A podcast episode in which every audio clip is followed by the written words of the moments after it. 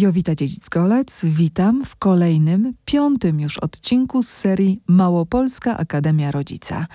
Jest to cykl podcastów z ekspertami z dziedziny psychologii i psychiatrii, a nasze rozmowy dotyczą zdrowia psychicznego dzieci i młodzieży. Projekt realizowany jest przez Departament Edukacji Województwa Małopolskiego. Moim gościem jest doktor nauk medycznych Łukasz Cichocki. Dzień dobry. Dzień dobry. Psychiatra, psychoterapeuta, nauczyciel akademicki z 25-letnim doświadczeniem, autor wielu prac naukowych, popularyzator wiedzy z zakresu zdrowia psychicznego i zastępca dyrektora do spraw lecznictwa szpitala imienia Józefa Babińskiego w Krakowie. Tak jest. Wszystko Dzień się dobry. zgadza? Wszystko się zgadza. Panie doktorze, y, na jakim etapie rozwoju, proszę powiedzieć, można wyłapać u dziecka zaburzenia rozwoju osobowości? Co powinno nas zaniepokoić? To jest tak, że formalnie diagnozy zaburzeń osobowości możemy stawiać po 18 roku życia. Za wyjątkiem osobowości dysocjalnej, tam, no, powiedzmy od 15. Natomiast pewne sygnały, że coś się dzieje nie tak, że y, no, powinno to wzbudzić jakby niepokój y, opiekunów. Pojawiają się już wcześniej i one mogą być różne w zależności od rodzaju y, no, tych pączkujących zaburzeń osobowości, czyli na przykład jeśli dziecko jest bardzo, ale to bardzo wycofane, nie nawiązujące kontaktu z otoczeniem, co więcej, nawet nie zainteresowane nawiązywaniem tego kontaktu, no to możemy podejrzewać, że jak ta osoba będzie miała lat 18, no to wtedy zdiagnozujemy u tego kogoś osobowość schizoidalną. Jeśli na przykład to będzie ktoś, kto no, nie szanuje żadnych norm społecznych, kto bez wyrzutów sumienia krzywdzi inne osoby, mając z tego wręcz nieraz satysfakcję no to na etapie adolescencji rozpoznamy takiej, no 12-14 rozpoznamy zaburzenie zachowania emocji, ale później po 15 roku życia, no dość prawdopodobna jest diagnoza zaburzeń osobowości takich właśnie dysocjalnych. I tak dalej, i tak dalej. Czyli tych zaburzeń takich swoistych osobowości mamy powiedzmy no 8-9 mniej więcej ten rząd wielkości i każde z nich ma trochę inne spektrum, czy inny rodzaj no, zwiastujących czy takich predysponujących zachowań.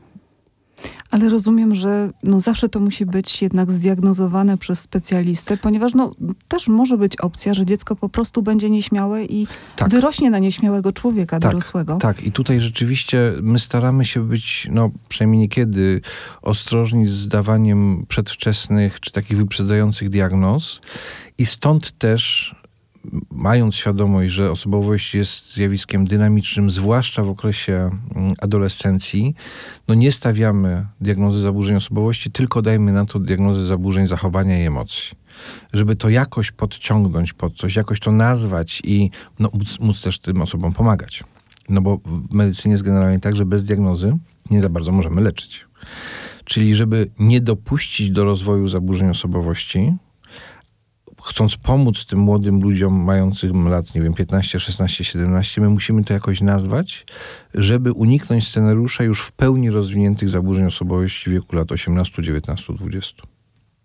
Takie wczesne wykrycie takich zaburzeń, rozumiem, daje szansę na nierozwinięcie tak, się ich. w pełni. Tak, czyli że, że jeśli człowiek dostanie wtedy i pomoc profesjonalną w postaci najczęściej psychoterapii, i bym powiedział, baczniejszą czy, czy, czy większą uważność opiekunów. E, to wtedy rzeczywiście jest szansa, żeby dzięki tym różnym oddziaływaniom, także takim o charakterze socjoterapeutycznym, czyli to niekoniecznie musi być taka terapia profesjonalna, jeden na jeden, ale na przykład jakieś y, odnalezienie się w sensownej grupie rówieśniczej, która nie będzie odrzucająca, która nie będzie namawiająca do robienia rzeczy, no mówiąc kolokwialnie, złych, tak, no, do, do, do nie wiem, przestępczej działalności, tak. Tylko będzie taką grupą rówieśniczą, mm, przyjmującą, y, akceptującą, ale też wspierającą rozwój w jakimś pożądanym społecznie, y, i też koniec końców z indywidualną korzyścią dla tej osoby kierunku, tak? Czyli, że to będzie jakiś rodzaj, no w cudzysłowie, harcerstwo, tak? E, oczywiście też są różne grupy harcerskie, ale, ale że te ideały czy te przesłania, które ruch, harcerski od no, dziesiątków lat niesie, tak? czyli jakiegoś rodzaju na przykład opieki nad słabszymi, e, działania zespołowego w celu no, jakiegoś efektu tych wspólnych działań, na przykład zakładamy obóz, no to to wszystko ma potencjalnie charakter korzystny dla poczucia własnej wartości, dla umiejętności dostrzegania innych ludzi, no i właśnie dla, dla umiejętności współpracy w grupie. Temat grupy rówieśniczej i tego, jak szalenie ważne, ważny wpływ ma na takiego młodego człowieka, pojawiał się zresztą w naszych wcześniejszych odcinkach, mhm. w których e, gościłam panie psycholog, panie terapeutki i no też podkreślały, że jest to zbawienne wręcz tak, dla młodych ludzi. Tak. Siła grupy jest niezastąpiona z całym szacunkiem dla profesjonalistów, e, takich czy innych, czy tam psychiatrów, psychologów i tak dalej. To, co może dać grupa rówieśnicza młodym ludziom, no nikt inny, także rodzice, no nie są w stanie dać, bo oni wtedy nagle się czują, że oni e, przynależą, że są jakoś na równych prawach i że to dla na przykład wspomnianego już poczucia własnej y, wartości, ich, ich poczucia własnej wartości jest niezastąpione. Grupa rówieśnicza to się wiąże trochę z kolejnym moim pytaniem o edukację. Hmm, chyba na każdym etapie ściśle wiąże się edukacja z rywalizacją. Tak. Dobrze wiemy, że rywalizacja może być motywująca, ale też może doprowadzić do frustracji, do załamania jak właściwie e, mobilizować mhm. dziecko do działania, do rozwoju bez tej właśnie chorej rywalizacji? To trudne pytanie. Trudne pytanie i myślę sobie, że ono jest trudne na, na różnych poziomach, ale y, począwszy od tego, że dzieci są różne. Są takie dzieci, które mają naprawdę duży taki bufor, czy dużą gotowość na rywalizację i im ona może nie bez granic, tak, ale, ale generalnie no na przykład są sportowcami i lubią rywalizować. E, natomiast są dzieci rzeczywiście wyraźnie bardziej, nie wiem, nieśmiałe, lękliwe, które jak będą wystawione na nadmierną presję w tym, w tym obszarze, no to tak jak pani redaktor mówi, to, to grozi jakiegoś rodzaju załamaniem, kryzysem psychicznym. I teraz wyczucie, które dziecko ja, na jakim etapie swojego rozwoju, bo to może być też inaczej u dwunastolatka, inaczej u siedemnastolatka, e, ile tej rywalizacji i jakiej wymaga, żeby się rozwijać, a żeby nie przesadzić tak, żeby no, temu dziecku czy temu młodemu człowiekowi to zaszkodziło, to już jest no, przede wszystkim rola rodziców. Tak? Niezastąpiona, którzy powinni najlepiej swo znać swoje dzieci i mieć wyczucie, no co jest tym konkursem, to już sobie może daj spokój. E, tak, a, do konkursów też tak, chcę dojść. Tak. tak. E, a, a, w jakim stopniu również rola y, nauczycieli czy innych opiekunów tych młodych ludzi? Pan wspomniał tutaj o tych konkursach. No, to mnie bardzo y, tak żywo dotyka. Mam swoje spostrzeżenia dotyczące rywalizacji dzieci i młodzieży w szkolnictwie artystycznym, bo doświadczyłam sama takiej edukacji. I w tym środowisku bardzo łatwo można dać się wciągnąć w mhm. destrukcyjną rywalizację. Większość działań oparta jest y, właśnie na formie konkursowej, a konkurs to zawsze jest stres. Tak. Mm, jak rozmawiać z takimi dziećmi, z taką młodzieżą? Tym bardziej, że no, trzeba wziąć pod uwagę, że tacy ludzie na, najczęściej są niezwykle wrażliwi. Tak. Jak rozładować stres, jeśli jest się na niego narażonym? No cały czas właściwie. No tak, to tutaj pojawia się kwestia, żeby rozdzielić dwie rzeczy. Poczucie własnej wartości od efektów tych konkursów, takich czy innych, także artystycznych. Czyli żeby dziecko miało świadomość, że dobrze jest taki konkurs, nie wiem, podjąć w nim udział, może nie każdym, ale w iluś, i wypaść możliwie dobrze, ale nie wynik tego konkursu y, przesądza w pełni o mojej, o mojej wartości.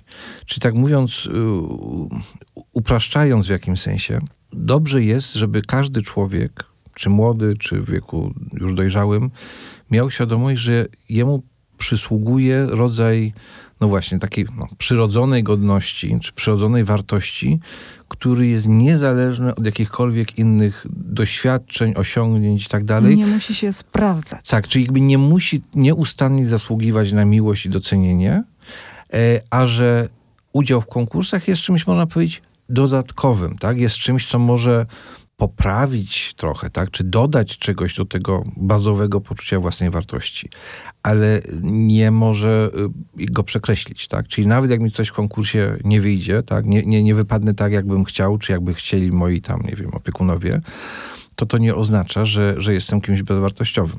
Czyli takie dwa bufory, można powiedzieć, czy dwie przestrzenie. No myślę, że to jest najtrudniejsze właśnie do, do wytłumaczenia tym, tej młodzieży w, w szkołach artystycznych. E, tutaj myślę, że znowu niezastąpiona rola obojga rodziców, bo to, to jest trochę tak, że, że ten element bezwarunkowej miłości, on jest częściej wiązany z postacią matki. E, tej takiej miłości czy docenienia za osiągnięcia z rolą ojca, ale to jest znowu, powtórzę, jakiś rodzaj uproszczenia. Każdy z rodziców powinien i umieć doceniać osiągnięcia, ale też pogodzić się z tym, że nie zawsze wszystko się uda i mimo tego, albo również dlatego kochać swoje dziecko, bo ja myślę, że wtedy, w takiej sytuacji, jak coś nie wyszło, to to dziecko tej miłości szczególnie wymaga. Jeśli już przy rodzicach jesteśmy, jak uniknąć przerzucania własnych e, ambicji na dziecko, no nawet jeśli dziecko wykazuje podobne zainteresowania jak my. Bo to kusi, prawda? No, jasne, że kusi. Natomiast no to, to jest kwestia dojrzałości rodziców i świadomości, że dziecko jest kimś odrębnym, że to nie jest przedłużenie takie mojego bytu pod tytułem, że ma robić wszystko to, co mi się zamarzy, w szczególności to, co mi w życiu nie wyszło, tylko że to jest ktoś, kto no, od samego początku gdzieś tak naprawdę trenuje jakiś rodzaj autonomii, już takie dwulatki, nie jest bunt dwulatka, tak? mówi nie w kółko na wszystko.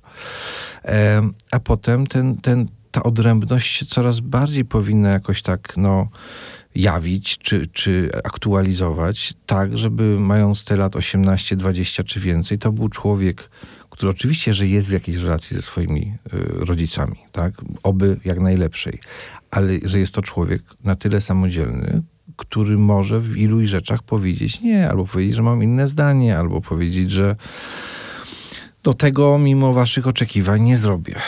I, i być nadal kochanym. Tak? Nie, nie być odrzuconym za to, że dajmy na to nie chcę być skrzypkiem, tak jak życzyli sobie tego rodzica. A tutaj sobie myślę, że chyba jeszcze nawet większym problemem będzie mm, takie dziecko, które nie będzie nam potrafiło powiedzieć nie. Bo nawet może nie z strachu, ale z jakiejś takiej chęci właśnie dostarczania nam tego zadowolenia. Tej gratyfikacji. Te, tak. tak nie będzie nas chciało rozczarować. Ten problem rozczarowania tutaj myślę też no, jest istotny. Umiejętność mówienia nie jest jednym z podstawowych y, zasad takiego BHP, tak, jeśli chodzi o zdrowie psychiczne. Czyli tak przekornie powinniśmy nasze dzieci uczyć mówić nie. Tak. Znaczy, ja dopuszczę, bo oni to mają w sobie. Te dzieci, dzieci przeważnie mają w sobie umiejętność mówienia nie.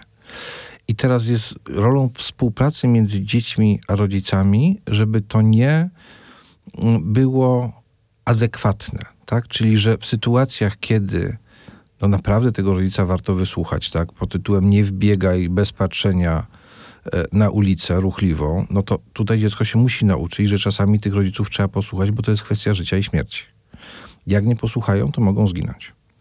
Natomiast, że są sytuacje, w których to już jest ich wybór. Czy one chcą jakąś propozycję y, przyjąć, tak? coś tam, co rodzicom chodzi po głowie, że mogłoby być dobre, czy raczej nie. I y, wyczucie, gdzie ta granica przebiega, znowu jest kwestią w dużej mierze odpowiedzialności rodziców, no bo oni są w tym układzie dorośli. Problem polega na tym, że często rodzice no, są takimi rodzicami. Y, bardzo mocno uczącymi się na swoich własnych błędach i często powielającymi błędy swoich rodziców. I myślę, że byłoby bardzo wartościowym, gdyby pojawiła się jakaś przestrzeń społeczna, być może większa niż do tej pory, na jakiś rodzaj, nie wiem, wymiany doświadczeń, wsparcia dla rodziców w ich rolach, bo oni często się czują dramatycznie osamotnieni, że oni jakby mają jakiś obraz takiego idealnego rodzicielstwa sprzedawanego teraz na, na przeróżne sposoby, co to by należało nie, nie robić, nie proponować i tak dalej. Widzą jakby swoje no, różne ograniczenia, nieumiejętności i tak dalej i im się ten obraz jakby rozjeżdża często z dramatycznym Y, spadkiem ich poczucia własnej wartości jako rodziców. Czyli żeby to było takie uczenie lepszego rodzicielstwa, ale nie z pozycji wyższościowej, tak? Ja tutaj wszystko wiem, tylko z takiej pozycji dostosowanej do aktualnej sytuacji danych rodziców. Tutaj pan nawiązał do mm, tych jeszcze pokoleniowych, prawda?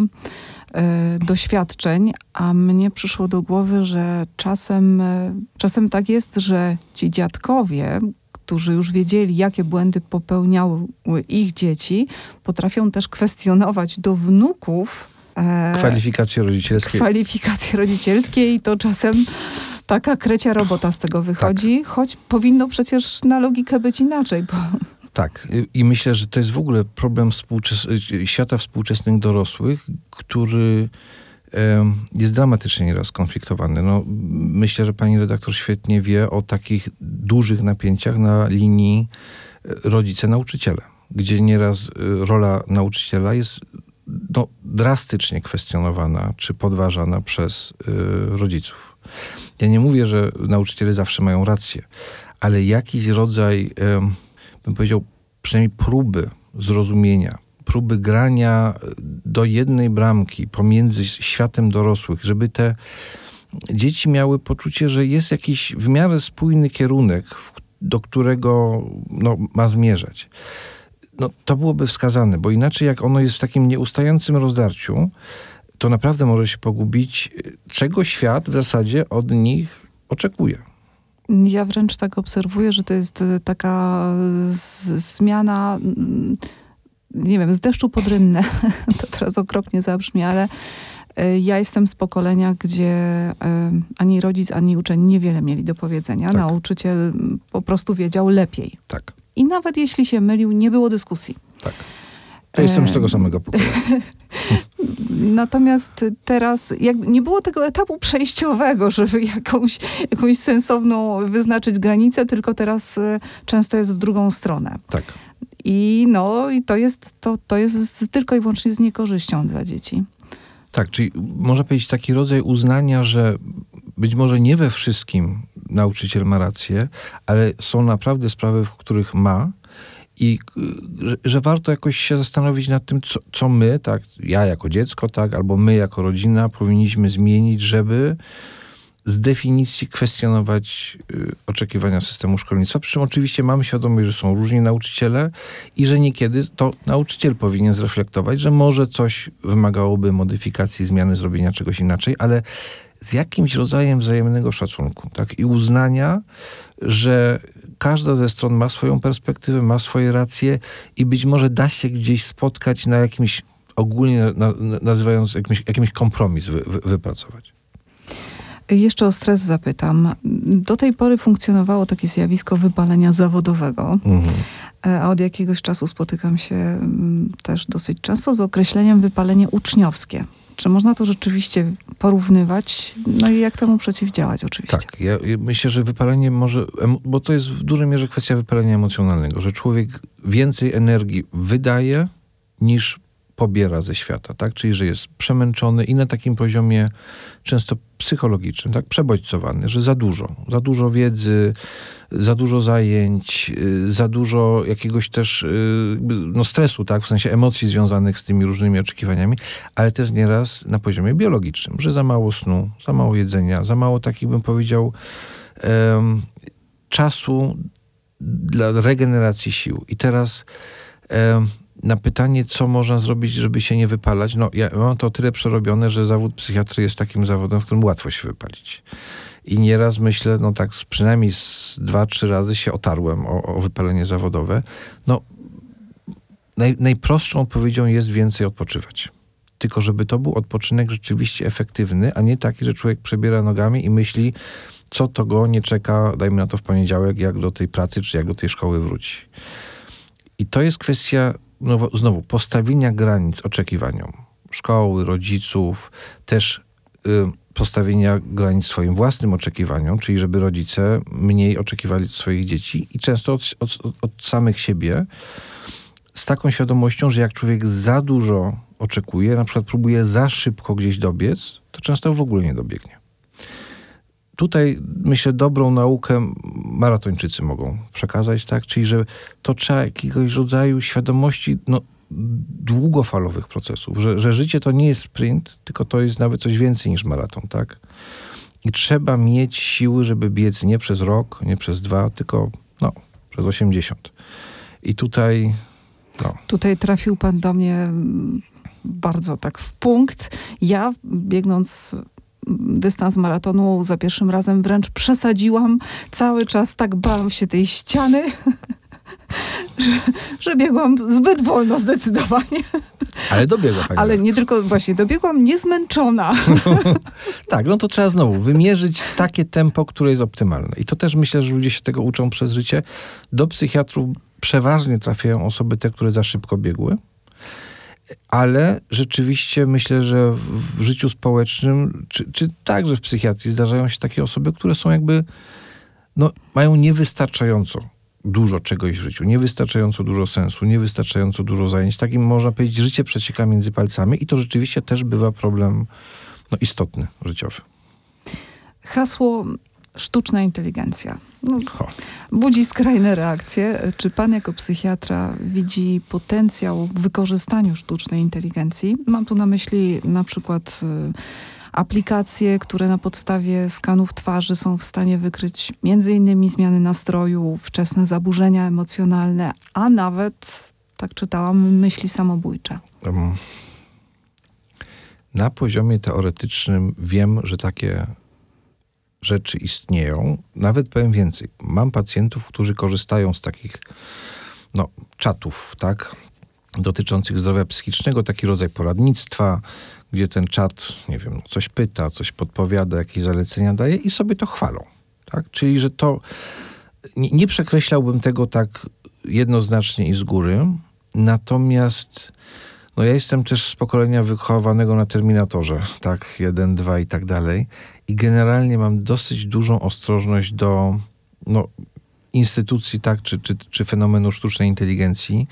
No chciałbym się mylić, ale myślę, że nie doceniamy też potencjału zagrożeń związanego z tym, że jeśli my przekażemy, czy będziemy delegować na sztuczną inteligencję coraz to nowe zadania, no to pytanie, co zostanie dla nas, tak? Czy jak, jak to wpłynie na przykład na relacje społeczne, jeśli diagnozowaniem e, czy obserwowaniem stanów psychicznych człowieka już nie, nie będzie zajmować drugi życzliwy człowiek, który powie, słuchaj, stary, czy słuchaj, moja droga koleżanko, kurczę, coś, coś mnie martwi w tobie, tak? Co, po, porozmawiajmy, tak? O co to chodzi, bo, bo coś jakoś zmartwione ostatnio chodzisz do tej pracy. Czy zmartwiony chodzisz. Jeśli to delegujemy na e, sztuczną inteligencję, no to wtedy można powiedzieć, my stajemy się sobie nawzajem mniej potrzebni. A to nie jest tak, że nasze zdrowie psychiczne będzie coraz lepsze, im my mniej będziemy mieli do roboty. Tak jak nasze zdrowie fizyczne ponosi szkodę na tym, że przestaliśmy robić różne fizyczne rzeczy, tylko no, większość ludzi to tak raczej mało, co, co, no chyba, że na siłownię chodzi, tak, ale, ale codzienność nie wymaga od nas za wielu fizycznych działań.